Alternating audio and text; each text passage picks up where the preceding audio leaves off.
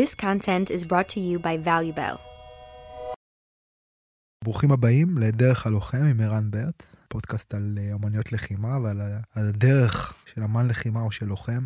אני מאוד שמח לארח היום את אה, משה מייק בן אבי, אה, מאמן בכיר לאמניות לחימה, שגר ומאמן בארצות הברית. מייק הוא, הוא עשה מגוון תפקידים בתוך אה, עולם ה-MMA, החל ממאמן של לוחמים ודרך אה, היותו פרומוטר ו matchmaker, אה, הרבה תפקידים שהם מאחורי הקלעים של תוך, אה, של תוך אה, עולם ה show business שקשור ללחימת אה, אה, MMA.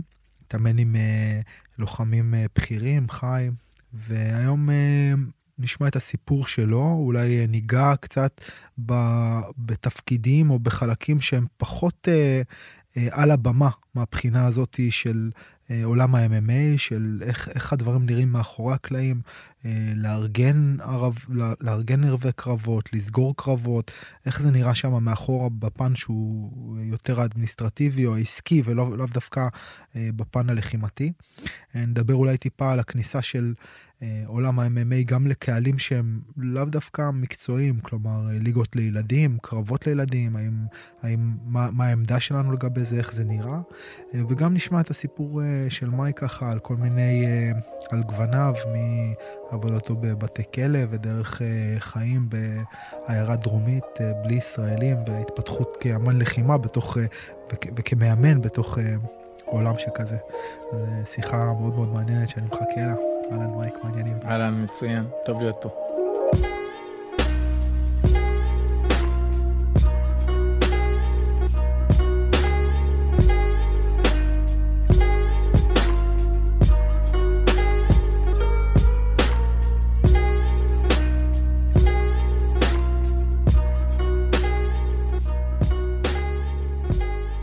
בוא אולי באמת תתחיל ככה בלספר את הסיפור שלך, כמה אתה, איפה, איפה, איפה, איפה אתה חי, מה אתה עושה?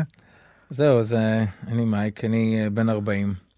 אני, אה, אחר שירותי הצבאי עברתי לארה"ב, אבל לפני כן, מילדות, מגיל 11 בערך, התאמנתי באמנויות לחימה, מגע מלא, הייתי בשלוחה של סקורניק.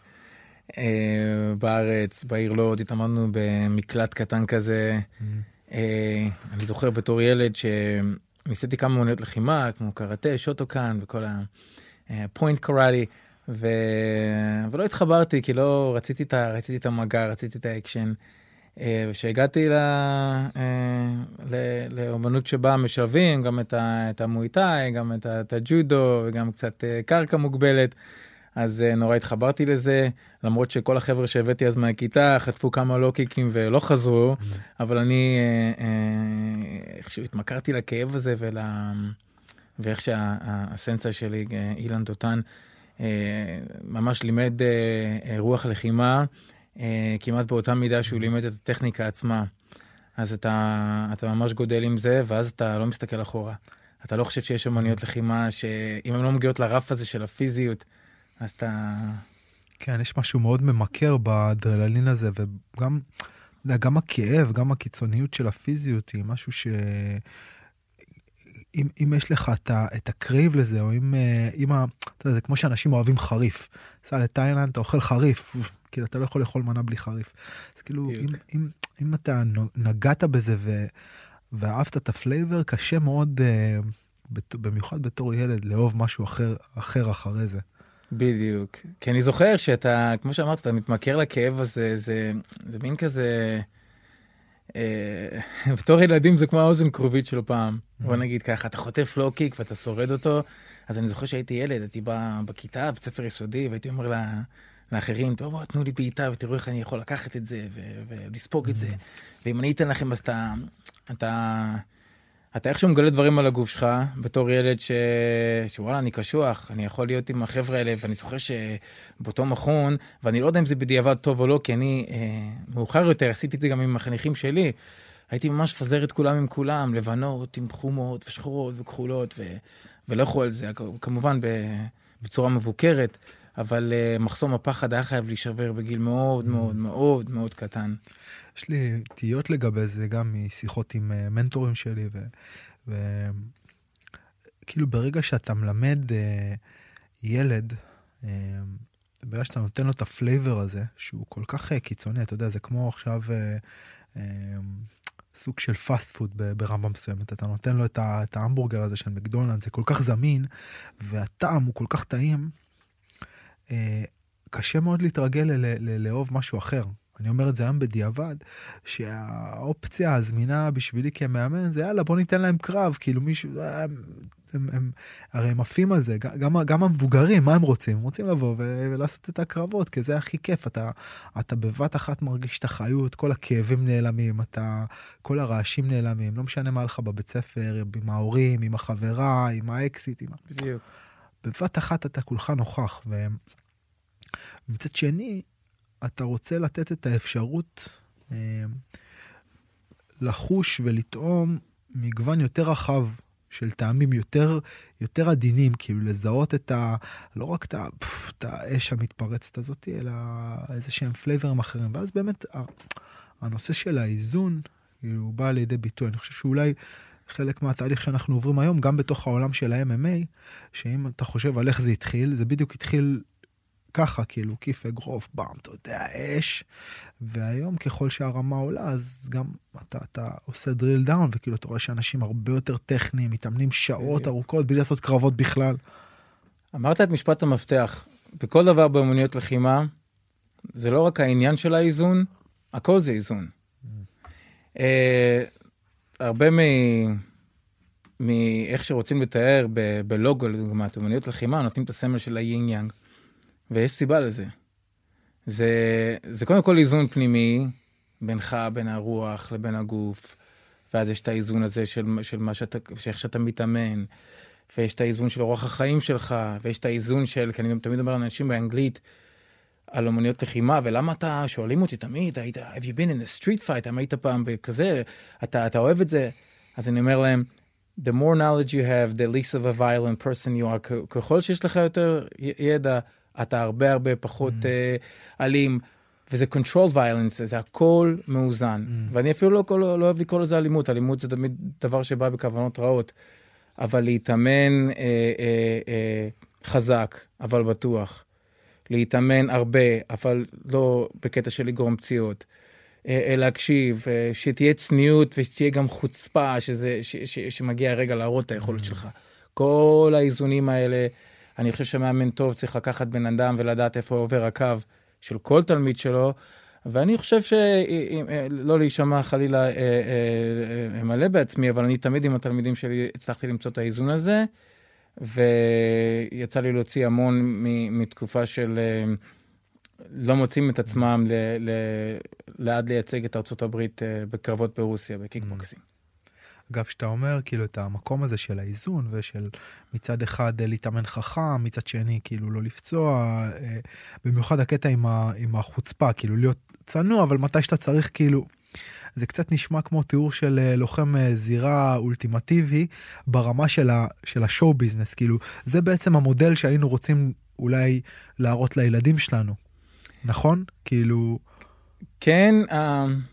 אבל אישית לי, בתור אחד ש... שעדיין שם חליפה וזה, זה מיינוס ה trash talk. אה, וכל בוא, האלימות וכל הדברים אה, מסביב, וזה דברים בוא, שאני אז בוא, לא... אז בוא נדבר על זה קצת, כאילו, על, ה, על המקום הזה. אוקיי. אוקיי. דווקא איזו שיחה מעניינת שהייתה לי לא מזמן. Uh, זה מרגיש כאילו, כשמגיע מישהו כמו uh, uh, קונור מקרגור, אז הוא עושה כאילו רק טוב לספורט, נכון? הוא מביא איזה דיבור כזה שהוא טרשי כזה, אה, או אתה יודע, אה, אני, אני, לא, אני לא יודע אם לתת את מוחמד עלי כדוגמה, אבל אני אתן את קונור. קונור הוא שם כאילו מייצג איזה כן. טייפקאסט שכאילו פרץ איזה דרך. עד קונור אנשים היו מגיעים לזירה ו, ופחות או יותר מדברים בתוך הזירה. פתאום קונור מביא איזשהו דיבור כזה, ומביא גם איזה גלאם, כאילו איזה זוהר, והוא חי את החיים של, ה, של הרוקסטאר. והאם הוא עושה טוב? לספורט, כי בסופו של דבר אחרי קונור, הספורט, כאילו הענף של ה-MMA פורץ. אנשים כאילו מגיעים להתאמן, זה מגיע לעמודים הראשונים, הוא נהיה הספורטאי הכי עשיר כאילו ב, ב, ב, ב, בעולם. כאילו. אני, אני חושב, אישית, אני חושב שהוא עושה, הוא עשה טוב בעיקר לעצמו, ובעיקר לאלו שהרוויחו המון כסף ב-UC בפרט וב-MMA בכלל, מהסוג הזה של ה-trash talking, כי תחשוב על זה.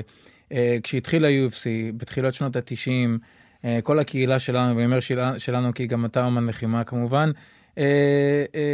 ידע שזה בתוך המשפחה, זה אנשים שעשו אומנויות לחימה, לא משנה איזה אומנויות לחימה זה הייתה, אפילו עד, עד סומו. לדוגמה, אבל הם היו אנשים שידעו מאין באו, לאיפה הם הולכים ומה הם באים לעשות פה. קונור הביא איתו קהלים אחרים.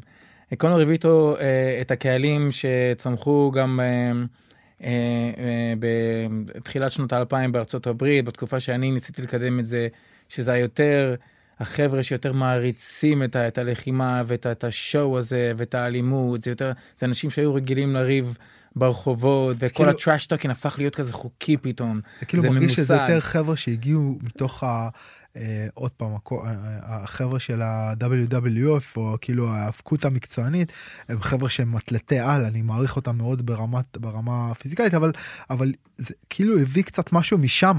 זה נכון? הביא משהו משם עם, עם הטראש טוק, אבל מצד שני זה גם עשה נזק, כי כל מה שהוא אומר, אה, תחשוב על אנשים שהוא נלחם איתם, רובם גם אנשים חגורות שחורות. אה, כל מה שהוא אומר, וכל ה... במיוחד בקרב גם עם, שהיה לו עם קביב, עם כל העלבות האלה, אה, אני אישית לא חושב שזה מתאים לספורט, כי הוא הוכיח פעם אחר פעם ש... שזה מגיע לרמות אה, שהן קצת מעליו, אז, אז זה לא עוזר. אני, אני אישית חושב שכל דיבור אה, אה, צריך להיות איכשהו בזירה, ואם, ואם יש לך מה להגיד, אז תגיד דברים מכבדים על היריב שלך, או תגיד שאתה מוכן, כמה שאתה זה, וככה ופה, אבל שקונור הגיע, בעקבותיו הגיעו גם כל הג'ק והלוגן פולים, וכל הגרורות האלה במרכאות, ש, של אנשים שפשוט מגיעים, ולעזאזל אה, עם הרמה. ובואו פשוט נכניס את כל הליצנות הזאת לספורט. ו... וכן, זה, זה עושה כסף, כן, אבל זה היתרון היחיד. אני לא חושב שילד אה, צריך היום לגדול, ירצה להיות אומן לחימה, או ירצה אפילו, ירצה אפילו להתחרות בזירה, ו... ומודל החיקוי שלו יהיה אה, קונור, ו... וה... כי ה-trash talk שלו כבר יורד למחוזות, או ירד למחוזות, שהם הרבה מעבר ל-trash talk. Mm. זו שאלה, עוד פעם, אם אנחנו מדברים על איזון, האם זה משהו שהוא, האם זה משהו שבכלל יש לו מקום? או ש... כי עוד פעם, מוחמד עלי, אתה יודע, היה, היה מאסטר בזה. אבל כאילו אולי איך אתה עושה את זה? כי בסופו של דבר, אם, ה, אם הדיבור הוא גם איזשהו אה, כלי בתוך ארסנל הכלים שלך, ואתה יכול להוציא את היריב שלך מהסנטר שלו, וקונור היה אלוף בזה, ב, לפחות בהתחלה, עד שאנשים קלטו שזה כלי, והם התאימו את עצמם גם לזה.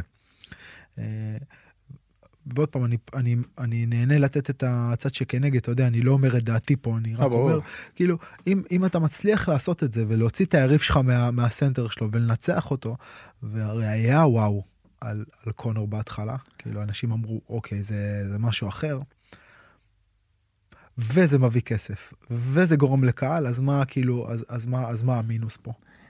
זה, זה... אז בוא אני אגיד לך מה המינוס פה.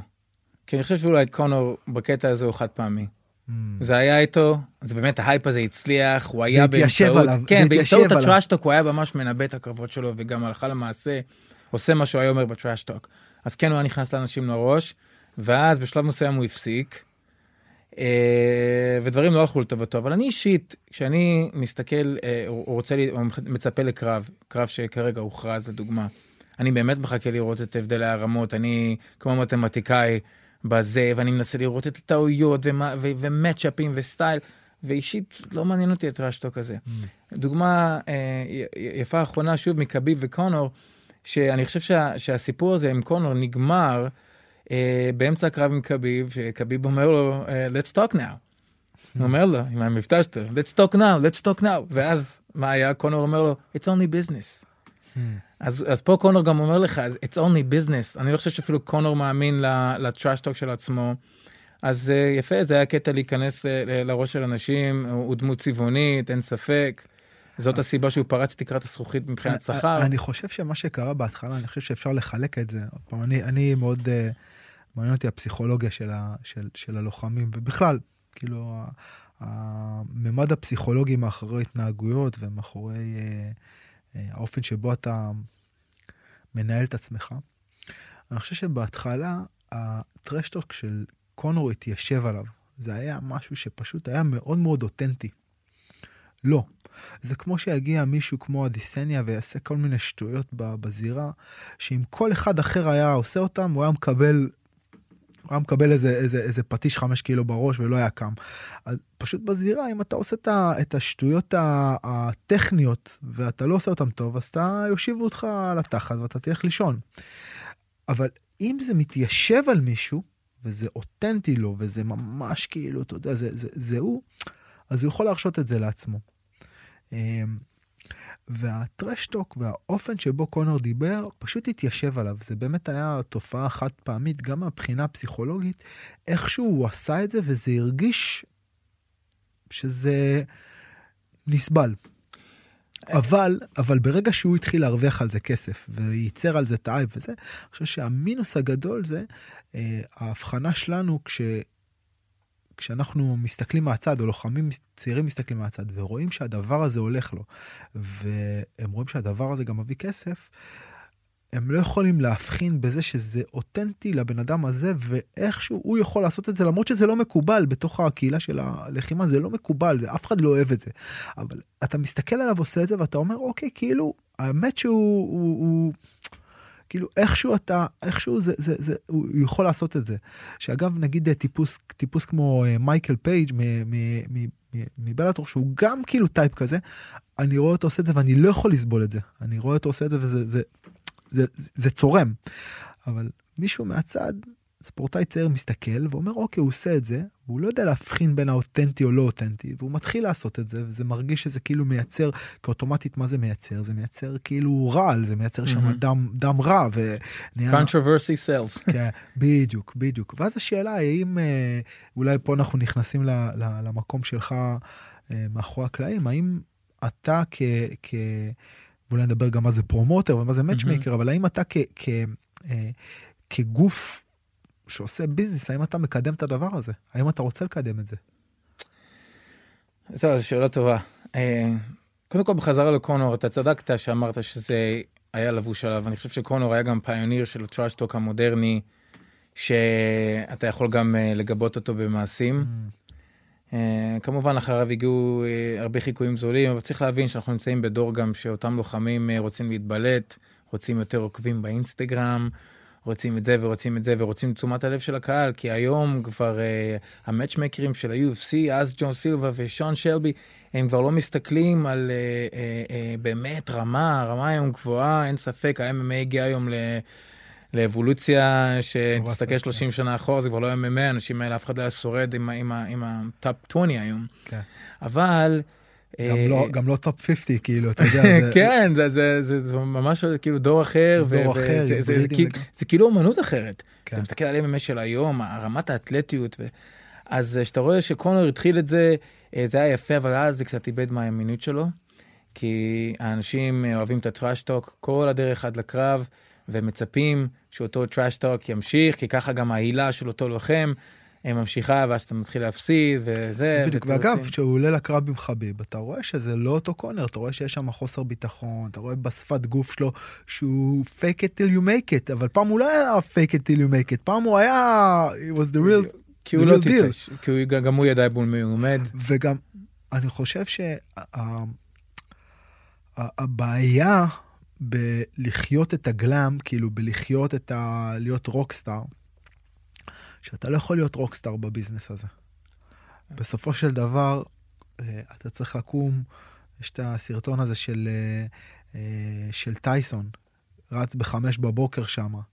ברגע שאתה מאבד את הרעב לרוץ בחמש בבוקר, ברגע שאתה הולך לישון עם פיג'מה של משי, זהו, אתה לא יכול להיות שם. ונגיד חביב לעומת זאת, אתה רואה שלמרות שהוא היה שם בטופ הרבה זמן, אולי בגלל הנוכחות של האבא שלו, אולי בגלל המקום שממנו הוא הגיע, כן. הוא אף פעם לא איבד את זה. הוא אף פעם לא איבד את ה-self discipline הזה, כאילו, ללכת את הדרך. וברגע שאתה, ברגע שנהיה הפיצול הזה בין... ללכת את הדרך ולשחק את המשחק, ברגע שלשחק את המשחק הופך להיות הדרך שלך, זהו, אתה מאבד את זה ואתה כבר לא יכול להיות שם באמת אותנטי כמו שהיית בהתחלה. בדיוק. וזה, זה, וזה המשבר הגדול של, של קונור, כי לטעמי, אם עוד פעם שואלים אותי מה קונור עשה יותר טוב או יותר רע, הוא עשה יותר רע בסופו של דבר לקהילת ה-MMA, והוא עשה יותר רע בגלל שהוא כשל בדרך. אם הוא היה מצליח לדבר את הדיבור, אבל ללכת את ההליכה במקביל, כלומר, לא לסטות מהדרך שלו, להמשיך להיות אמן לחימה שחי את הדבר הזה, שנוכח שם בצורה אותנטית, אז אנשים היו יודעים אולי להתבונן על זה בעיניים שמצליחות להכיל את הדיסוננס, mm-hmm. כי הם היו אומרים, אוקיי, הוא ממשיך ללכת, הוא לא עושה, הוא לא mm-hmm. מעשן whatever uh, ועושה לא משנה מה ו- ומתמכר לחיים הטובים. Mm-hmm. וזה השינוי שעבר עליו, אם אתה זוכר, אני, אני גם במקרה, כמו אנציקלופדיה של uh, אירועי MMA של העבר, האירועים בין האירועים. בין אירועי הקרבות, ומה שעבר על קונור זה, תראה, אנשים בהתחלה התחרבו הרבה לקונור גם מהסיבה שהתחברו לדמות שלו, הוא היה כן צנוע, תמיד הוא היה בתור, בתור השרברב כן. מאירלנד שלא יכל לשלם את השכירות שלו, ופתאום הוא בא ומבטיח שהוא ינצח, והוא מנצח, והוא מבטיח גם באיזה סיבוב יהיה, וזה קורה. אבל איך אמרת, um, כמו שהיה בסרט רוקי 3, you got civilized, הוא כן. נהיה, כן, נהיה כן, ממוסחר, מתורבת, הוא נהיה אדם רגיל, ו, ו, ו, ו, וחביב הוא בדיוק ההפך, על חביב אפשר לעשות פודקאסט שלם על הפסיכולוגיה של חביב, שאני בעצמי חוקר אותה. אני גם אה, יצא, יוצא שאני מתגורר אה, אה, בשכונה של יוצאי דגסטן, וחביב זה, זה הדמות והאנשים עצמם. Mm. גם אותו סבא בן 80 שהולך למכולת, יש לו את אותו אופי של חביב בן ה-30 שנלחם באוקטיגון, זה, זה, זה האנשים. Mm. אה, זה אנשים, וחביב עצמו אמר, I'm here for the money, you here for the money, I'm here for my legacy. כן. שזה ענק, שזה זה, זה באמצע מסיבת עיתונאים לפני הקרב, הוא אומר לקונור, אני לא מעניין אותי מהכסף. אני פה בגלל הלגאסי שלי, וזה ההבדל. Mm. בזמן שהוא מנפנף לו וויסקי שם. כן, בא לקדם את ה... בדיוק, אז אתה רואה, זה, זה בשורה התחתונה, זה mm. לאן קונור יידרדר, אבל קונור אה, אה, כבר לא איתנו אקטיבי, ו... ואחריו יש מלא. בוא, בוא נחזור לדבר שנייה עוד פעם על, על, על הכאילו, על הביזנס. כי היום איגוד כמו, כמו UFC, הוא רוצה חבר'ה כמו קונור. בעצם הוא רוצה חבר'ה כמו קונור. הוא היום אם אתה, אם אתה אומר, תקשיב, יש לי פה איזה עילוי אחד, הטג'יקיסטני שלא מדבר מילה באנגלית, אבל הוא חיה, הוא מנצח קרבות, לבין מישהו כזה עם, אה, עם, עם חמישה מיליון עוקבים באינסטגרם, אני חושב שהתשובה היא ברורה, כאילו לדנה ווייט את מי הוא מביא לקרב. הוא רוצה את החמישה עוקבים באינסטגרם, הוא רוצה את ה... בגלל שזה ביזנס, ואז השאלה היא איפה עובר הקו. אה, ואולי תספר לנו קצת על הבקסטייג' של, של, כן, של, של, אה, של מוסד כמו ה-UFC, או בעצם משהו כזה כמו... אה, או בלאטור. כן, או בלאטור, או לשם, כל, כל איגוד קרבות mm-hmm. גדול, איך הוא בנוי, מה, מה התפקידים האלה שאתה ממלא מאחורי הקלעים, ואיך זה בא לידי ביטוי בעצם ברצון שלי אה, לאזן בין האיכות המקצוענית לבין האיכות של הסטאריות. הבנתי. אז בשמחה, קודם כל, אה, הקו הזה שדיברת עליו, פעם הוא עבר והוא עבר יפה. Mm. בתקופות של ה-prime time, שהיו את הקרבות של בי.ג'יי פיין ו-GSP. כן. הטרילוגיה שלהם. כן. היה את ה-trash אולי זה, אולי זה תור הזהב של, של, אז, של ה-MMA. בדיוק, אז, אז תור הזהב הזה, היה בו הכל. היה בו רמה, היו בו לוחמים שהם היו אמני לחימה, הם היו עושים trash talk, אבל בצורה שהיא לא עוברת את הגבול. היה הרבה עניין, היה הרבה צבע, ואולמות היו אה, נמכרים עד אפס מקום, כולל הצפיות. קונור הביא משהו אחר, קונור הביא קהלים אחרים, קונור הביא אנשים שממש לא עניין אותם MMA, אבל הצבעוניות שלו אה, הכניסה אותם לשם. וזה מה שבאמת עשה את ה-UFC הרבה יותר מצליחה, וניכנס לשאלה שלך איך זה בנוי. אז הארגונים האלה הם, אה, הם בנויים ככה כמו אה, אמני רוק. הם עושים את סיבובי ההופעות שלהם במקומות הכי אטרקטיביים, יש להם מחלקה שבודקת בדיוק באיזה עיר, אה, הם, אה, הם, הם, לאיזה עיר הם יגיעו בפעם הבאה, וכשהם מגיעים לעיר התהליך מתחיל ככה, בודקים אם. המכונים המוצלחים המקומיים באותה עיר מי נלחם MMA, מי הוא הכוכב של העיר, מי הלוחמים המקומיים הטובים ביותר. אנחנו קוראים להם באנגלית ה- fillers, הם ממלאים את ה-card, ובדרך כלל זה card, זה ה-card שאף אחד לא רואה, גם לא ב-prelims. אוקיי, אז תסביר לנו עוד פעם, בוא נצא מנקודת הנחה שחבר'ה שמקשיבים לנו הם כאלה שמבינים בדיוק מה אמרת עכשיו, מהמם. ויש חבר'ה שלא מבינים שום דבר ממה אוקיי, שאמרת. אז איך- אוקיי. איך בנוי ערב כזה?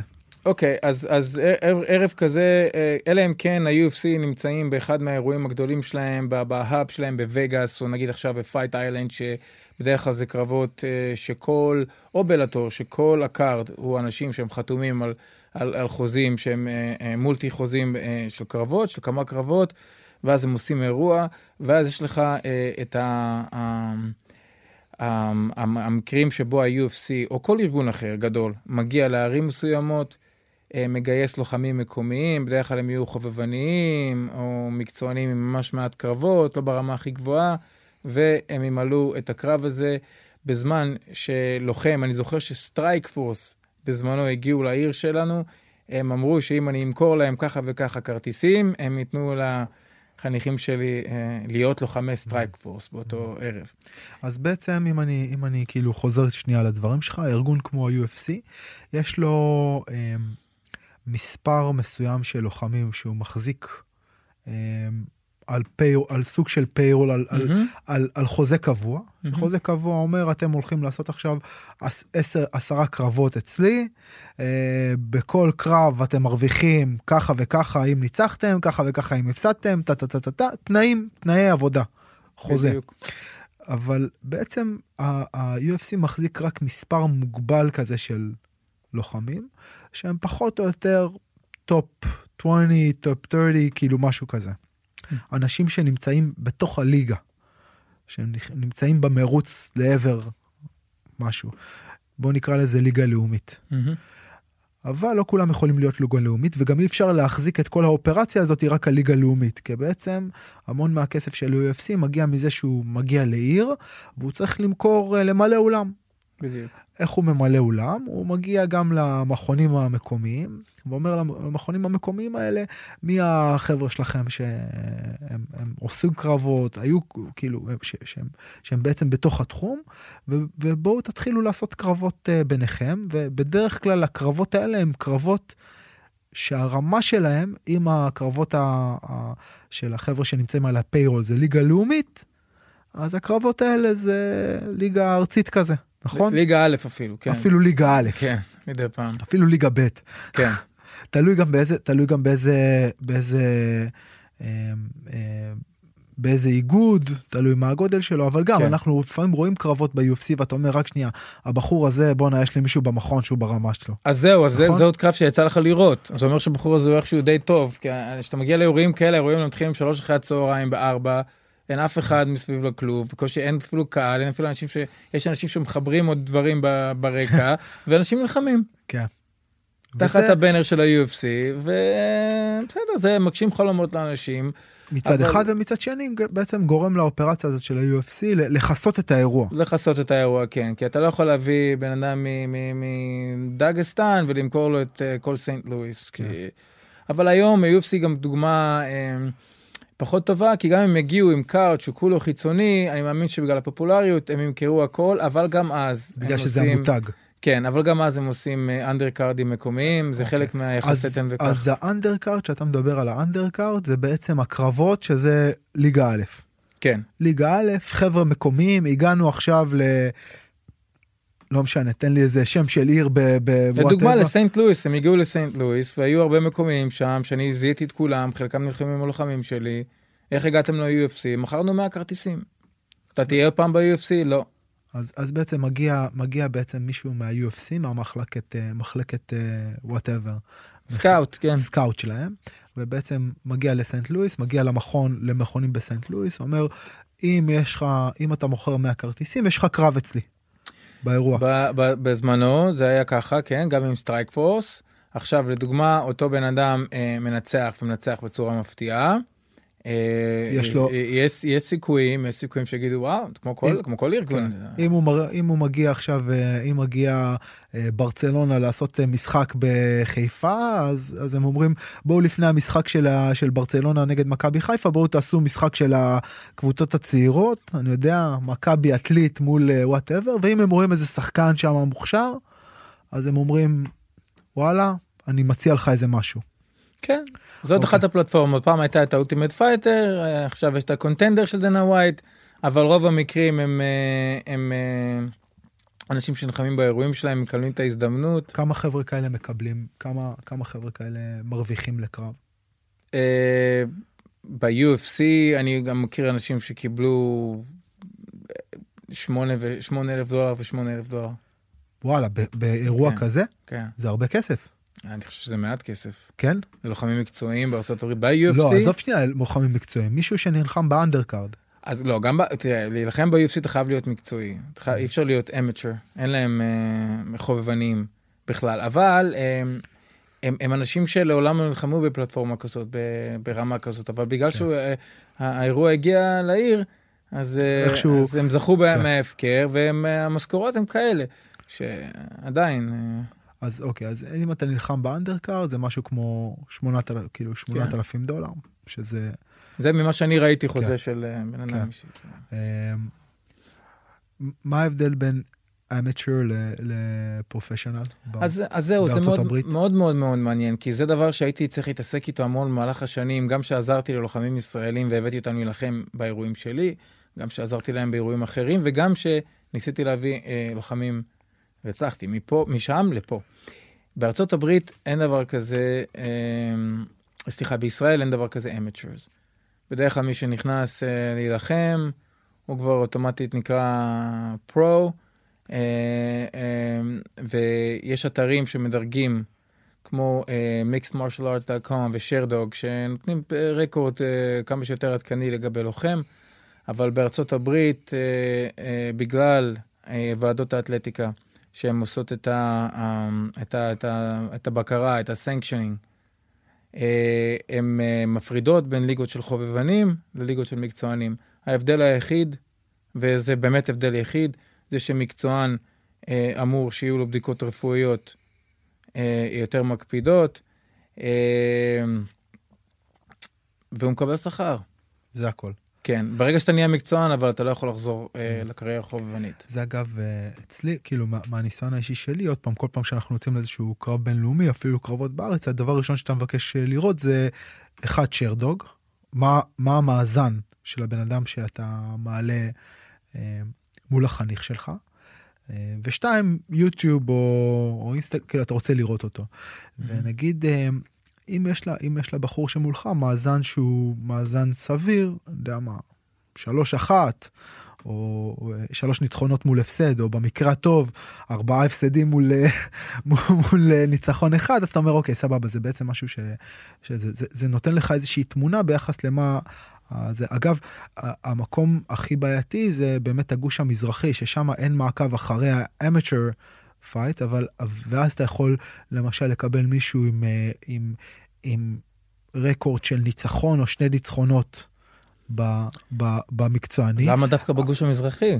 אז זהו, אז אני לא מכיר את זה כל כך בארצות הברית, אני מכיר את זה במיוחד מקרבות זה, מול... זה מול התחיל זה. בארצות הברית. ש- שאתה מקבל מישהו עם שתי ניצחונות, איזה, איזה רוסי כזה עם שתי ניצחונות, אבל אז פתאום אומרים לך, תקשיב, הוא בא מסמבו, מסמבו, ופתאום אתה קולט שיש לו 100 קרבות חובבנים. אז אני אספר לך, אני אספר לך סוד, איך בודקים זה, במיוחד בתחום ה-MMA.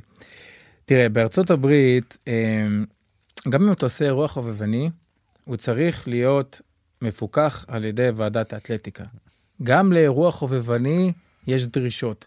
האירוע החובבני האחרון שלי, שהיה, אני חושב, לפני ארבע שנים, זה היה גם אותו אירוע שבו הלוחם הישראלי נתן לוי עשה את הקרב החובבני האחרון שלו, אצלי בעיר. קרב גם לפי דעתי האישית אה, הכי קשה שלו, אבל זה היה הקרב החובבני האחרון, ובאותו אירוע שהוא היה אה, חובבני לגמרי, לא היו לי שם אה, שום קרבות מקצועיים, הייתי צריך לדאוג אה, לפרטים הקטנים ביותר, כמו אם לבניין יש אה, מסמכים אחורה של כיבוי אש, והכלוב צריך להיות בסנטימטרים כאלה, והרופאים צריכים להיות של ועדת האתלטיקה, שאני צריך לזכור אותם בנפרד, והקאטמן וכל דבר, אני צריך לעלות לאתר של הרקורד. וכשמעלים את זה, כשהאירוע שלי הוא sanctioned, לידו זה יהיה רשום official. Mm. יהיה רשום רשמי, שאומר שהקרב הזה באמת דווח. למה אני אומר את זה? כי יש המון המון המון פרומוטרים שרוצים להימנע מהעלויות האלה של להרים אירוע שהוא אפילו amateur, אפילו חובבני, אבל שעדיין מוכר. אז בשביל להימנע מהעלויות האלה, שלפי דעתי גם הם, הם לא רק שהם נמנעים מהעלויות, הם גם אה, הם מסכנים את הלוחמים שלהם. אתה, אתה אם אתה לא בודק שלמישהו יש HIV או, או צהבת או משהו כזה, והוא נלחם והוא מדמם, אה, או איזושהי מחלה זיהומית, זה מסוכן. אז חלק זה שאתה עושה sanction זה, יש בדיקות, Mm. יש בדיקות שאותו לוחם הוא גם לא אחרי איזה 200 הפסדים, ופתאום אתה מעלה אותו רק בשביל לפמפם למישהו את ה record, והמון המון עושים את זה. המון המון עושים את זה. אז אותם מארגנים רוצים לעשות כמה שיותר כסף, עושים קרב, הקרב הזה כן מדווח לאתר, אבל יש לך record או אין לך record, זה לא משנה. אתה לא תדע אם זה באמת נכון. אוקיי, אז, אז, אז אולי תסביר לנו מה זה, מה זה promoter. אז זהו, promoter זה... אה, ואני הייתי promoter כמה וכמה פעמים, גם של אירועים מקצועיים וגם של חובבנים. זה אה, אותו מפיק של האירוע, אותו אחד שאחראי לארגן את הערב קרבות, וזה מגיע, אה, וזה יורד למטה ב- במעין אה, מעין, אה, סולם דרגות כזה של תפקידים, אבל מן הסתם, בגלל צניעותי והאמצעים שהיו לי אז, אני הייתי גם הפרומוטר, גם המאצ'מקר, גם uh, מאמן של חלק שכן uh, נלחמו שם באירוע, אבל לא חלילה בזמן האירוע, כי יש ניגוד אינטרסים ואסור להיות בפינה שלהם שאתה גם ה promoter. אבל אתה צריך לדאוג להכל, להכל, להכל, להכל, מהלוחמים, ולדעת שגם אותם לוחמים יגיעו, עד הכרטיסים, עד השיווק ועד הפרסום, ויש כל כך הרבה פרטים קטנים, ואז אתה צריך להתעסק עם ועדת האתלטיקה, שזה בכלל עבודה של חודשים, של בדיקות, ו... אז המון המון המון כסף, גם למצוא ספונסרים. אז ה promoter בעצם הוא המפיק של האירוע שדואג לכל, ה, לכל הפן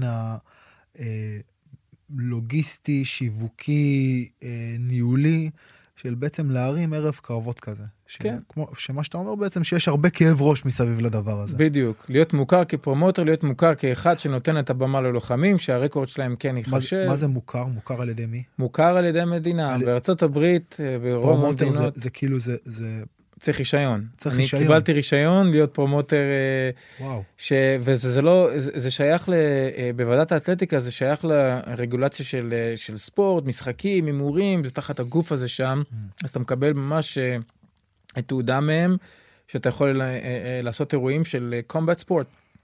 לא רק MMA, זה לא מוגבל ל-MMA. בא- בארץ, אתה יודע, אני, אני כאילו, מהניסיון שלי על הארץ, בעצם אין משהו כזה, אין גוף כזה, אין ועדה אתלטית בארץ לנושאי אה, לחימה, במיוחד אם אנחנו מדברים על pro fighting. כאילו, אם אתה הולך עכשיו לעשות אה, קרב אגרוף, אתה צריך להיות מוכר לפי דעתי על ידי אה, איגוד האגרוף. אבל MMA, קרב מקצועני, אין דבר כזה, כאילו, אתה לא צריך לקבל רישיון של להיות promoter, או, או, או אתה לא צריך להיות מוכר על ידי שום גוף. כאילו, אתה צריך לקבל רישיונות ממשטרת ישראל אז כדי... אני חושב שזה לא טוב, אני אגיד לך למה, כי חלק מהקטע של להיות מאושר, מאושר אה, באלף, אה, בתור פרומוטר, יש פה קטע ליגלי מאוד מאוד גדול של ביטוח, של, אה, תראה, אתה חלילה, אה, מישהו נפצע אצלך, צריך כתובת, צריך לדעת שהאירוע הזה, הפציעה קרתה, אבל היא כן קרתה אה, לצערי. למרות שהיו פיקוחים, ו- ו- והבדיקות הרפואיות היו בסדר, והיו שם שופטים שהם חיצוניים. אתה יודע, צריך להיות שוועדת האתלטיקה תהיה זאת ששולחת את השופטים, את השופט, ואת הרופאים, ואת אנשי הפינה, ואפילו את אלה שעושים את הגונג. ואתה צריך לממן אותם, להביא אותם, לשכן אותם בבתי מלון והכול. אבל, אבל זה טוב, אני אגיד לך גם למה, כי אני הייתי באירועים במדינות, במקומות, בארקנסה, בארצות הברית, שבו אתה באיזה בר כזה, ופתאום האבא של אחד הלוחמים הוא גם השופ... הוא אחד מחבר השופטים, ואתה, אנשים מעשנים בין סיבוב לסיבוב, אחד יוצא החוצה, מדליק סיגר, ואין פיקוח, ואין בקרה, ומה אם קורה משהו, ומה אם זה... אז אתה מרגיש שאתה נכנס לטריטוריה כזאת שהיא קצת, אה, לא יודע, אצלי בטיחות באומנויות לחימה, במיוחד ב-MMA, זה הדבר שאני הכי הכי רוצה לשמור עליו, וכל השאר זה כיף. ברגע שזה כבר אה, מתערער, ולמרות שאין שליטה על זה, אבל ככל שיש שליטה על זה, מה שאני הייתי promoter, אני עשיתי בדיוק כמו שאמרו לי, כי דאגתי ללוחמים. היה באמת באמת אכפת, אני יודע שיש אנשים אחרי הדבר הזה, אני יודע מה זה להיות ספורטאי, אני גם התחרתי בעבר, ורציתי שלהם יהיה טוב, שהאירוח יהיה טוב, ו... ו... ולכסות עצמי, לכסות עצמי, ואני חושב שאתה עושה דבר כזה, אתה גם, היוקרה שלך בתור אה, אה, אה, promoter עולה, כי אנשים רואים שאתה mm. הלכת לפי החוקים ואתה אופישל ורוצים באמת לבוא ולהילחם עבורך. ו... ויכלתי האמת לעגל פינות ולעשות משהו כזה קטן ומקומי ללא זה, אבל uh, אני לא חושב שזה היה נכון בזמנו, אני רציתי להמשיך לעשות אירועים, וכל האירועים שלי היו סולד אאוט. ו... ו... ואז אתה מדבר בעצם על, ה... על המאצ'מייקר, שהמאצ'מייקר mm-hmm. הוא בעצם זה ש... שעושה את, ה... את הזיווגים בין, בין, בין, הק... בין הלוחמים. כן, אז פה, פה זה כבר ידע. אה, אני, אני אגיד לך את האמת, matchmaking זה גם אומנות. Mm. אני, אני, אני רוצה ברשותך לתת שוב פעם את נתן לוי כדוגמה. הוא אה, לוחם מאוד מוכשר, עובד קשה, אמביציונרי, מאחל לו הרבה הצלחה ב-UFC. הקרב האחרון שלו, החבבני, הוא הגיע אחרי שהוא כמובן היה בלתי מנוצח, ואני הבאתי מישהו מקומי, שאפילו בתקופה הזאת כבר לא התאמן ממש אקטיבית, אבל הייתי חייב מישהו לנתן, כי אותו אחד שהיה אמור להילחם נגדו, ברגע האחרון, התפקשש, אני מביא מישהו זה, מחו"ל, זה מישראל. קורה, זה קורה הרבה הרבה. קורה המון. בקטע של החובבני זה קורה המון המון, לאנשים אין שום מחויבות כלפיך. אנשים פתאום מקבלים רגליים קרות, אנשים פשוט עשו את זה בשביל להיות על הפוסטר, או ל... אתה יודע, לעשות... אנשים נפצעים. אנשים... טוב, זה כבר מובן, אם מישהו נפצע, אני לעולם אה, אה, אה, יבין את זה, אה, ויהיה לי תמיד בקאפ, אבל היו לי אנשים שפשוט לא הופיעו, לא הופיעו לשקילה. שאתה, כן, זה שאתה, שאתה מתעסק עם כל כך הרבה, ובמיוחד חובבנים. אתה, אתה צריך להיות מוכן לרגעים כאלה, ואתה, אתה יודע, אתה מתוסכל, כי יש בן אדם מן הצד השני של המתרס שהתאמן כל כך הרבה קשה, כל כך הרבה זמן, ו, ומחכה, ומכר כרטיסים. ואתה יודע, בדרך כלל אלה שהיו מבטלים נגדם, היו אלה שמוכרים הכי הרבה כרטיסים, כי הם היו הכוכבים. אף אחד לא רוצה להילחם עם הכוכבים. אז אני זוכר בתקופה של match, לחזור ל matchmaking עם נתן לוי, אז הבאתי מישהו מקומי שהיה במשקל שלו, ואני ידעתי אישית שהוא קשוח, אני ראיתי אותו מתאמן, אמרתי, תשמע, אם יהיה, זה יהיה קרב, זה יהיה קרב הערב. ואני זוכר שמכל עבר, מכל עבר בארצות הברית, אמרו לי, מה אתה עושה לבחור הזה? אותו, אותו לוחם, קראו לו דניאל. אמרו לי, מה אתה עושה לדניאל? זה, זה, זה, זה גזר דין מוות, הנתן הזה הוא מוכשר, הוא, הוא בלתי מנוצח, ראינו אותו, איזה דברים הוא עושה, בפייסבוק, זה. אמרתי להם, חבר'ה, אני ראיתי כבר קרבות בחיים שלי, אני אימנתי אנשים, עזבו את כל הבאז, זה עניין של מצ'אפס. ואני אומר לכם שזה הולך להיות קרב מעולה. ועד הרגע האחרון, עד השקילה אפילו, אמרו לי, מה אתה עושה? מה זה הדבר הזה? יצא שזה היה הקרב הכי טוב באותו ערב. Mm. אותו דבר לגבי עידו פריאנטה. אני uh, מצאתי לו את צ'אד הינטון מבלאטור, ששניהם ביטלו אחד את השני בח, בחוזק שלהם, וב, עידו כמובן ניצח בהחלטה בסוף, אבל עידו, אה, את כל, את, סליחה, את כל הקרב הזה הוא עשה מהגב, את רוב הקרב. אבל היה קרב מהמם, קרב, קרב חזק. אז תמיד כשאני רואה מאץ', אירוע טוב, אני רק למאצ'מייקר אה, מודה. ומה, כי... ומה בעצם מנחה את, ה, את המאצ'מייקר? כאילו, מה, מה, מה, מה אתה מחפש שם? פריות. Mm. פריות. זה כל כך כל כך חסר בעסק הזה. אם אתה יודע או לא יודע, אולי תשמח לדעת כמה אנשים מפמפמים את הרקורד שלהם. אמ, אני לא יודע אם זה טוב, אולי זה טוב ללוחמים צעירים שבאמת מתחילים לגדול וצריכים אה, להיות מישהו ברמתם או קצת פחות כדי לתפוס ביטחון. וזה נושא, זה נושא, זה נושא אחר לפתוח, אבל אני לא רציתי להיות אחד שלא מאכיל לוחמים ולא נותן לוחמים אחרים כאוכל. וזה קרה וזה קורה, זה קורה בארץ, קורה בחו"ל. וזו תופעה שמה, שהיא... מה, מה, מה קורה בעצם? קורה שיש אנשים, לוחמים מדי פעם, אה, שרוצים שמבקשים מה? קרב שהם יודעים שיכולים לנצח. קרב קל. כן. אני לא אוהב את זה. אני חושב שזה נוגד כל דבר ש... זה, זה סותר כל דבר שקשור ללחימה. זה סותר כל דבר ש, של, של רוח לחימה, של דרך mm-hmm. לחימה. אני חושב שאם אתה שם, ואתה אמן לחימה שאמור להגן על עצמך במקרה שאפילו חיים ומוות. אם אתה שם, תילחם נגד הטובים ביותר. הטובים ביותר, ואת זה משכתי את התלמידים שלי תמיד. עם הטובים ביותר. אבל באותו מידה, כשהייתי עושה matchmaking, בדיוק זה, match. מה זה match? השוואה זה, זה, זה, זה התאמה. match באנגלית זה התאמה. אני רוצה לקחת לוחם ולהתאים אותו ללוחם השני. אולי לא בסגנון, אז אני אמצא את הרקורד. אז אם לא ברקורד, אולי בתקופה האחרונה, איך שניהם באים מהפסדים, אז אולי זה בסדר, זה, זה כל כך הרבה, אתה פותח את זה ל, ל, לרזולוציות כמו מעבדה. אתה רוצה שתהיה איזשהו סוג של הפריה הדדית גם אני בתוך רוצה שיהיה הקרב קרב הזה. טוב. שהקרב הזה כאילו יהיה משהו ש... אני רוצה שיהיה קרב טוב, אני רוצה, אני רוצה להגיד, אני לא יודע מי ינצח. בכל הקרבות שעשיתי, גם בין, בין ילדים, אני אומר, שברגע שאני עושה את הקרב הזה, ביום שיהיה לי ספק, שאני אני אגיד, או זה כבר, זה אמור לנצח, זה אמור לנצח, אני לא רוצה שיהיה לי את זה בקרב. אני רוצה שהקרבות האלה יהיו מעניינים גם עבורי, המאצ'מקר, במיוחד עבורי. זה אולי מחזיר לכאילו מה, מה המהות בכלל של משהו כזה. אתה יודע, אמנות לחימה היא, היא נבעה מאיזשהי צורך אה, מצד אחד פרקטי, כאילו אנשים למדו איך להגן על עצמם. ואז אה, מצד שני, מאיזשהו צורך פנימי, אנשים למדו איך לווסת את עצמם, או איך אה, דרך האומנות, כאילו, להיות אה, ורסיה יותר טובה של עצמם. ואז יש את המקום הזה של שני חבר'ה עולים לזירה, והולכים מכות בשביל כסף. ויש את המקום הזה של, אוקיי, אז, אז מה... אז עם מה בעצם אני רוצה להשאיר את האנשים? ואני מרגיש שהרבה פעמים ערבים מהסוג הזה, שעוד פעם, יש לי איזושהי אמביוולנטיות כלפיהם. מה, מהמקום שלי, האישי שלי, כי הם, זה, הרבה פעמים אני פוגש שם אנשים שאני אומר, אוקיי, וואו, זה מה שאני רוצה להשאיר, כאילו, את, ה, האלימות הזאת. ומצד שני, יש קרבות שאתה אתה רואה את הקרב, והוא הוא, הוא באמת נותן לך השראה. כלומר, איך שהלוחמים האלה בזירה, מה שהקרב מצליח להוציא מהם, אתה מסתכל על זה מהצד ואתה אומר, וואו. וואו, זה כאילו, אני לקחתי מזה משהו. זה יכול להיות את האספקט של הנחישות, זה יכול להיות את האספקט של היכולת להשתנות ולאלתר ולהמציא את עצמך מחדש, זה יכול להיות uh, איזושהי יכולת לשמור על איזון ועל uh, יציבות בתוך הקרב, זה יכול להיות uh, uh, יכולת לתת איזשהו ביטוי בכל מיני, בכל מיני אלמנטים, בכל מיני תחומים, אבל בקרבות הטובים, כשאתה פוגש יריב טוב, זה גורם לוורסיה היותר טובה שלך לצאת. ודרך זה אתה מעורר השראה. אם, אם ילד עומד עכשיו ורואה את זה, אז הוא לא רואה את, ה, את האלימות, כאילו. הוא רואה את ה, מה שמעבר. כלומר, האלימות היא איזשהו... אה, העצימות הפיזית היא איזשהו... איזשהו אה,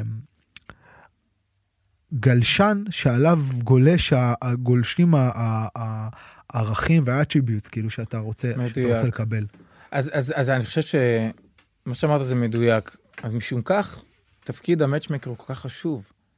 תראה, היו, היו מקרים שהייתי יכול לשים אה, אה, קרבות בהם אה, לוחם אחד בוודאות היה נותן נוקאט ללוחם השני בתוך דקה. אז זה לא היה עושה את האפקט שהיית מביא, זה ההפך, זה היה מבריח, זה היה אומר זה אלים, זה היה אומר זה לא פייר, זה היה אומר מי שם אותו, מי שם אותם ביחד, למה? למרות שאנשים אוהבים לראות נוקאוטים. אוהבים לראות נוקאוטים, אבל תן לי לראות נוקאוטים עם שני אנשים שיכולים לתת את זה אחד לשני, אז אתה כבר יודע שהנוקאוט מקבל את המשמעות של התחרותיות. האסטרטג הטוב ביותר נתן את הנוקאוט, ולא זה שבכלל לא אמור להיות שם בזירה. ואני חושב שה matchmaking כל כך כל כך חשוב, אז כשאני מסתכל, אני מסתכל על בטיחות, אני אומר איך הקרב הזה, כל קרב שנגמר, אני אומר, אתם בריאים, הסתיים, זה הכי הכי הכי מספק. עכשיו לחזור לקטע של מה שדיברת עליו, על, ה, על הסיפוק הזה. אתה יודע, אני תמיד אומר ללוחמים, במיוחד לוחמי MMA, מי שרוצה להילחם בצורה מקצועית, אני אומר לו, מה, מה, כאילו, מה המטרה שלך, למה אתה שואף בתור לוחם? הרי כל שחקן כדורסל, אפילו בקאצל, שאל אותו, יגיד לך, אם זה תלוי בי, ואם אני אהיה טוב ואני אמשיך, עד ה-NBA, כאילו, אין יותר גבוה מזה. אז אני אומר לחבר'ה האלה של ה-MMA, מיום א', מהשעה הראשונה, תתאמן להילחם יום אחד מול אלוף ה-UFC. Mm. כי אין, אין, אני, אני, לא, אני, לא, אני לא חסיד של... Uh, תן לי לבנות את הדרך שלי בלוחם. MMA זה דבר מסוכן. אתה לא יכול לבנות את עצמך ב-MMA. טעות קטנה, ואני ראיתי אנשים גם ששוברים לסטות ל-70 חלקים שונים mm. מטעות קטנה ב-MMA. צריך תמיד להיות חד, להיות מוכן, להיות מוכן לגרוע ביותר, כי MMA זה רק התוצר לוואי של מה שאתה באמת אמור להיות, שזה אמן לחימה שיכול להגן על עצמו במצב של חיים ומוות ברחוב. אחרי הכל, כל השואו הזה, כל, כל מי שפתח אי פעם דוג'ו, פתח אותו לרחוב. ואני, אני, זה תכף אולי מעניין יהיה לדבר על זה קצת באספקט של אה, המגורים בארצות הברית ודברים מהמם. אחרים שסיפרת לי, אבל אני חושב שהם, כן, MMA יש בזה אספקט שהוא יכול להיות מסוכן, תלוי מאוד איך אתה עושה את זה, אבל אה, אתה יודע, מהפציעות החמורות ביותר שראיתי, ראיתי אותן קורות בכדורסל ובכדורגל. ראיתי פציעות נוראיות, כאילו. אתה יודע, גפיים מרוסקות ל... התעמלות קרקע. התעמלות קרקע על ההיסטור. אני אפילו לא. מדבר על, אה, יש לי חבר'ה שעושים מאופני הרים, אני לא מדבר על זה אפילו. מה, מה, מה, מה רואים שם? אה, בן של חברים טובים, בן 12, עושה פרקור, קפץ מאיזה זה, שעבר את עצם הבריח לתוך ה- להיסטור, ניתוחים, אתה יודע, פלטים. כן. אז, אז מה שאני רוצה להגיד זה שתכלס, החיים מסוכנים. זה לא, החיים מסוכנים. הקטע הוא שאני מרגיש שהאמנות לחימה, כמו עשייה גבוהה בכל uh, ענף, אמורה לעשות אותך, והיא אמורה לייצר לך פלטפורמה להיכרות טובה יותר שלך עם עצמך, בדיוק. ולגילוף של... אתה יודע, דוד של מיכלנג'לו, הוא היה גוש שיש לפני שהוא הפך להיות דוד. כאילו, אז כולנו גושי שיש, או עץ, או Mhm. ברזל, כל אחד הגוש שלו. ומה שאתה רוצה לעשות זה לקבל איזה שהם גלים, כלים לגלף מתוך הגוש שיש הזה את הדוד האולטימטיבי. את הערן האולטימטיבי, את המייק האולטימטיבי. כל אחד רוצה לגלף מתוך עצמו איזושהי גרסה טובה של עצמו. ו... ויש אנשים שבעזרת הלחימה ובעזרת ה-MMA יכולים לגלף מעצמם את הוורסיה הכי טובה. ויש מאמנים שיכולים לתת לחניכים שלהם כלים, יכולות ומיומנויות לגילוף של העצמי שלהם. אגב, גם מול מאמני אופניים ומאמני כדורסל. הכל תלוי כאילו... בדיוק, אתה יודע. חייב להיות גם מנטור. אני אישית, אה, ההיילייט של האימון שלי זה לא מדליות וגביעים, זה העובדה שהוצאתי אנשים מתחום הפשע, Mm, היום להיות אה, בעלי מכונים. יש לי תלמיד שהוא היה אה, רואה בתי משפט וקציני מבחן בארצות הברית על מין ועל שמאל, עד שביום הראשון שהוא בא ולמד, ולמד איך לתת לואו קיק והתאהב בזה, ובהמשך נהיה לוחם בלתי מנוצח חובבני, ואז נהיה אה, אה, אה, כרוז בזירה באירועים גדולים, וחבר נבחרת הקיק בוקסינג של הברית, והיום הוא פתח מכון, לפני פחות משנה, איזה משלו. והוא שחוריו, שהתחיל איתי בלבנה. ואתה אומר, תראו איזה טרנספורמציה. אתה יודע, אני אוהב לתת למישהו את ה spark. תן לו את הניצוץ של האמניות לחימה, אני לא אוהב את זה בשבילו אף פעם. אני אתן לו את זה, תן לו את הרוח, את הדחיפה, ואתה רואה אותם, איך אמרת, מגלפים את השיש לאן שהם רוצים. התפקיד שלי לשמור שזה עדיין יהיה... בתחומי, בתחום הזה. בדיוק. תגיד, איך, איך, איך האומנות לחימה בארצות הברית עכשיו, אה, תוך כדי הקורונה? כאילו, איך זה, איך, איך זה השפיע על זה? זהו, זה השפיע הרבה, כמו שהשפיע כמובן בכל העולם. אה, בארצות הברית אה, היו המון המון הגבלות, אז כל מי שהוא פרומוטר, שהוא לא ה-UFC, או ה Bellator, או פרומוטר עם כיסים אה, עמוקים דיו, אז אה, לא עושה אירועים, כי אי אפשר לעשות אירועים ללא קהל, גם מבחינת האווירה, אה, גם מבחינת הכרטיסים כמובן, כי כל, רוב הפרומוטרים עושים את כספם מכרטיסים, אז אלא אם כן יש לך מלא מלא ספונסרים וזכויות שידור בטלוויזיה. אה, לא תוכל לעשות אירועים, עשו... יש, יש אירועים שהם אירועים, נגיד ה-UFC הוא national כזה, נכון? כולם, זה לא משנה אם זה עכשיו כן, ב-LA או לאס וגאס כן. או ב- בסנט לואיס, כאילו כולם, כולם מסתכלים על זה. כן, אבל יש אירועים שהם אירועים כאילו, אה, שהם, שהם, שהם מקומיים, כלומר נגיד בטח. אה, ליגה כאילו רק של אלינוי כזה, בטח, יש... אה, ואז יראו את זה גם בטלוויזיה או שזה... אז זהו, בטלוויזיה מקומית, יותר הם עושים את הפורמט של ה pay-per-view של האינטרנט. אתה, הם שוכרים איזה חברה חיצונית, אתה משלם 10 דולר ואתה רואה את האירוע הזה, או שאתה רואה אותו ב- בלייב. אבל בסנט לואיס יש אה, פרומושנים שהם, אה, האמת, גם בתי גידול. סנט לואיס אחרי וגאס היא העיר של לחימה מספר 2 בארצות הברית. וואו. ידועה באגרוף שלה, בטח ב-MMA. המון המון הגיעו מסנט לואיס. אה, ו... לא, לא LA או סן דייגו או ניו לא, יש שם יורק. בתי ספר טובים, אבל לא, אני חושב שסנט לואיס היא... מבחינת המכונים שאני מכיר שם, היא באמת מספר 2, גם במהלך ההיסטוריה. במיוחד באגרוף. תשאל הרבה שמתעסקים בתחום האגרוף. סנט לואיס, מיזורי זה מקום שצמחו בו המון. אה, אז יש הרבה promotion ים, אה, דוגמה אחת שאני מכיר זה Shamrock Promotion, שזה. בחור שעושה אירועים כבר כמעט 13 שנה. שמרוק מקן שמרוק? לא, לא, זה, זה, גם אני האמת שהגעתי לארה"ב חשבתי שזה אותו אחד, אבל Shamrock זה פשוט התלתן הזה ש... Mm. אה, זה הסמל של, הוא אירי כנראה, ולא כנראה, הוא אירי, והוא כבר עושה אירועים בקזינו שם, על בסיס, לפני הקורונה זה היה בסיס חודשי, לו עשה איזה 370 ומשהו אירועים, והוא. ממספר אותם כמו ה-UFC, אה, הפקה מעולה, אנשים שלוחמים ממש ממש קשוחים, אה, חלקם הגיעו ל-UFC, שנלחמו שם, אה, וחלקם עדיין נלחמים ב-UFC. אה, בקלי עצמו הגיע משם. מאותו promotion, משם אני מכיר אותו גם. אז, אה, ובכל אה, עיר שמכבדת את עצמה יש, אה, אה, יש אז- promotion כזה שהוא המקומי, שהוא עושה להם את האירועים באופן קבוע, ו... אז בכל עיר גדולה יש גם איזה משהו שהוא local כזה, שמאפשר לאנשים, אה, ואז- בעיקר local, כן. ואז כמה- כמה לוחמים ירוויחו בערב כזה. אז זהו, אז אני יכול להגיד לך כמה אני שילמתי לאנשים. זה לוחמים ברמות כאלה, בערבים כאלה, זה לא בגלל שהם לא מספיק טובים להרוויח יותר, אלא הם מבינים לאן הם הגיעו, אז אתה נותן להם, אני יודע, 2,000 דולר, 2,500 דולר, זה, זה הולך 2,000 ו-2,000. זה... אבל זה כאילו בעצם, אם אני חושב על זה, אם מישהו עכשיו רוצה לחיות, להיות מקצוען, שיבחר מקצוע אחר. שיבחר מקצוע אחר או שיאמן, למרות שגם זה בקורונה זה קצת קשה, אבל אלא אם כן אתה ברמות, גם ה-UFC היום לא עושה, יש המון אנשים ב-UFC שהם completely broke, שהם אין להם אפילו שקל.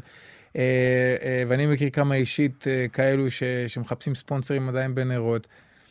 כי אין, אנשים, תחשוב על זה, הם עושים שכר פעם בכמה חודשים, ויש להם מאמנים שלהם להם, ואנשים שלהם להם, ואת התזונה, ואסור להם לעבוד גם במקום אחר, או להילחם במקום אחר. איך עובד בעצם ההסכם שבין ספורטאי, בין לוחם למאמן שלו, או, ל, או למרגן שלו? כלומר, כמה, כמה בעלי תפקיד יש שם סביב, ה, סביב הלוחם עצמו? אז תלוי בלוחם, אם הוא הלוחם הוא נגיד אה, מישהו ברמה של קביב, אה, או הלוחם UFC שהוא אלוף, אז יש לו את הדיאטן ואת המאמן הזה, ויש לו את המאמן גם מהבית שהוא מביא איתו, וזו פמליה כזאת שמלאה באנשים. אבל לוחם אה, אה, רגיל, הוא בדרך כלל משלם ל- אה, לסוכן שלו, אם יש לו כזה, ולמקום שהוא מתאמן בו. מה הוא משלם לסוכן? איך זה עובד? אחוזים שהם אה, קובעים ביניהם. אח, אחוזים שנקבעים מתוך, ה, שליש. מתוך הזכייה. כן, ומה, מתוך ספונסרי, לא רק שחייה, מתוך כל, כל הכנסה שלו. מתוך הכל. ומה הוא משלם למאמן? גם משהו בסגנון הזה? אה, אז זהו, מאמנים, ברוב המקרים ברמות ה- הלא הכי גבוהות, אז תראה שהמאמן הוא גם הלוח- הסוכן. אני הייתי, לדוגמה, ברוב המקרים גם הלוחם, הסוכן והמאמן של ה...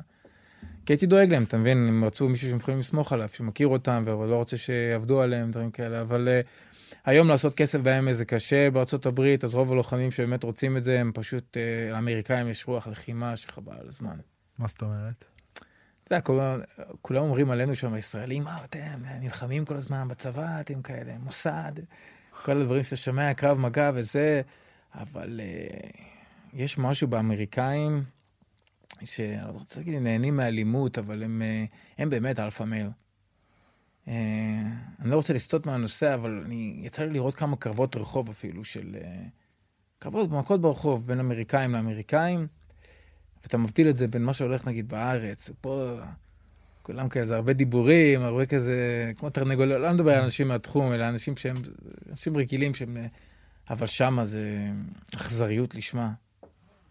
הם, הם, מישהו גם מאולף בנוקאוט, הם ממש המשיכו וואו. עליו, וזה, זה, יש להם את זה באופי, הם, הם אלימים, אנשים אלימים. אני חושב שזה... חברה מאוד אלימה. אז, אז אני, זהו, אז אני כאילו לא יודע אם זה אנשים מאוד אלימים, או שבאמת חברה שמייצרת ניכור.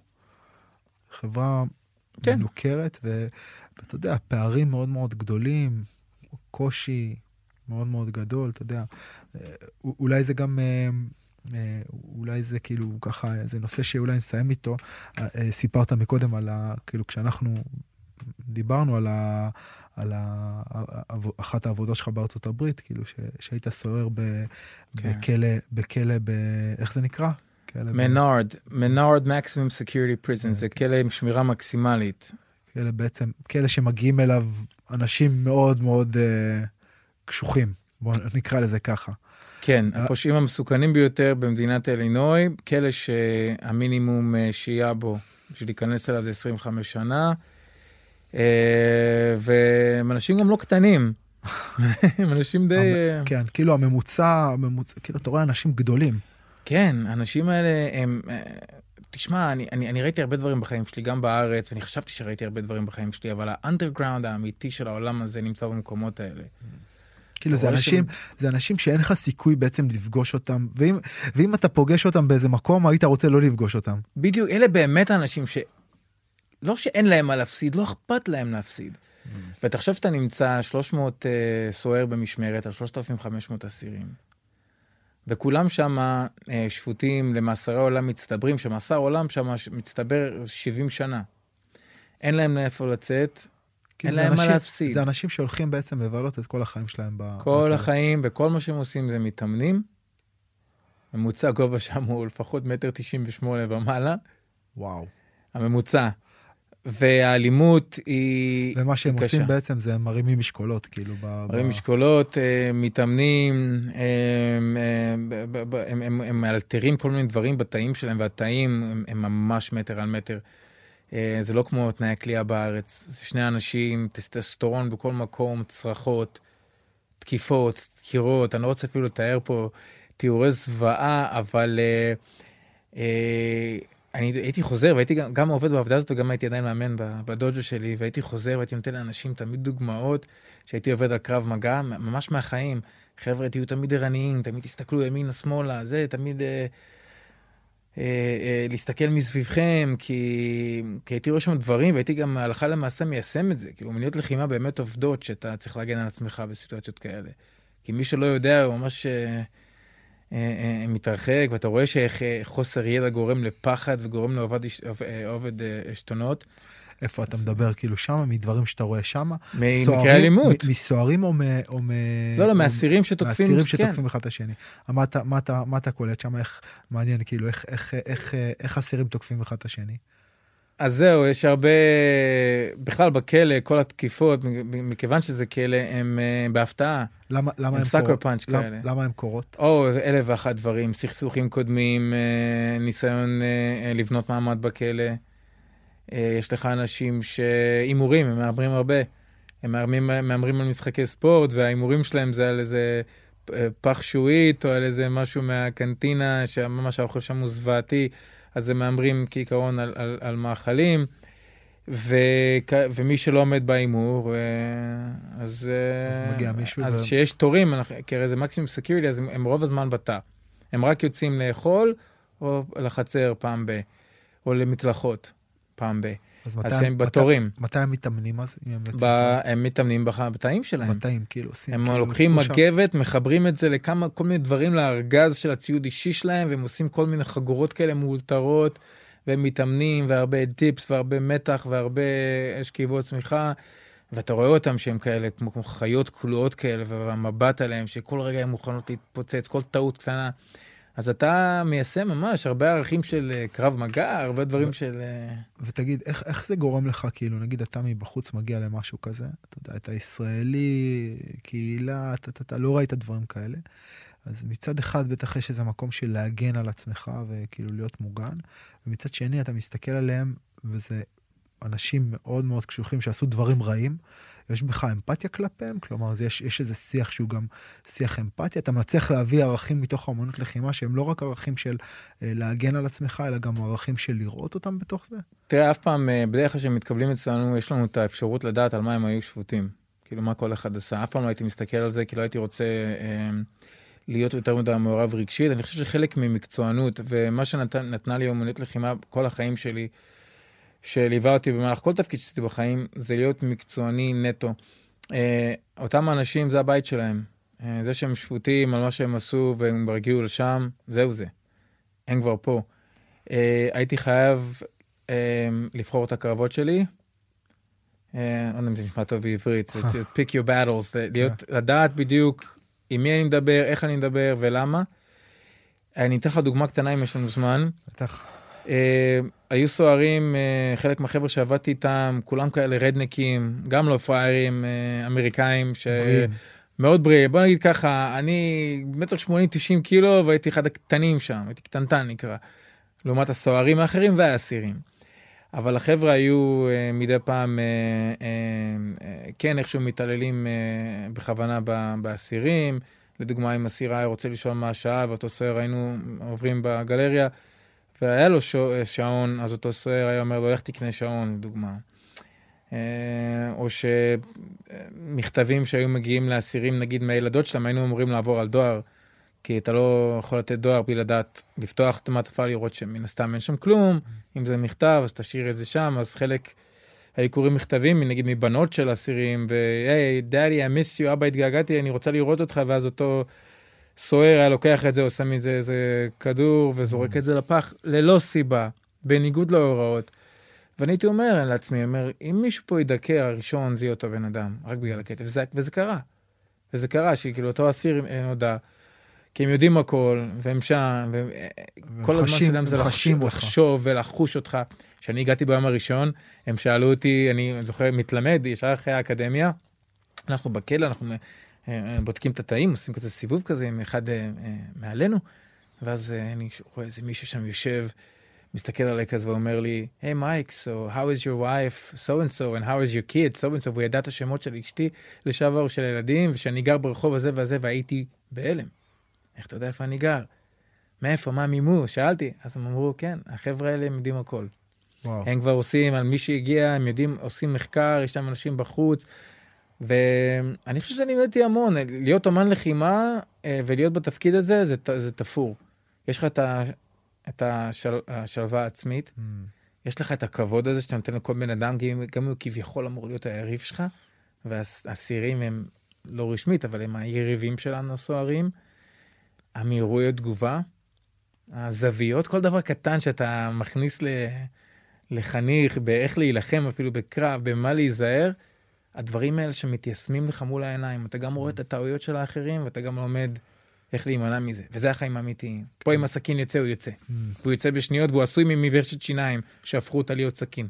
וואו, מטורף. כן. זה נשמע כמו איפשהו בין מעבדה לג'ונגל. זה בדיוק כך. ג'ונגל מעבדתי. אוקיי, אולי, אה, אתה יודע מה, נושא אחרון שככה פטפטנו עליו, אה, קרבות MMA לילדים, כן. כן או לא? הראשון שאני עשיתי אה, בארצות הברית לפני כמעט 11 שנים, אה, אני אגיד כן אבל, modified.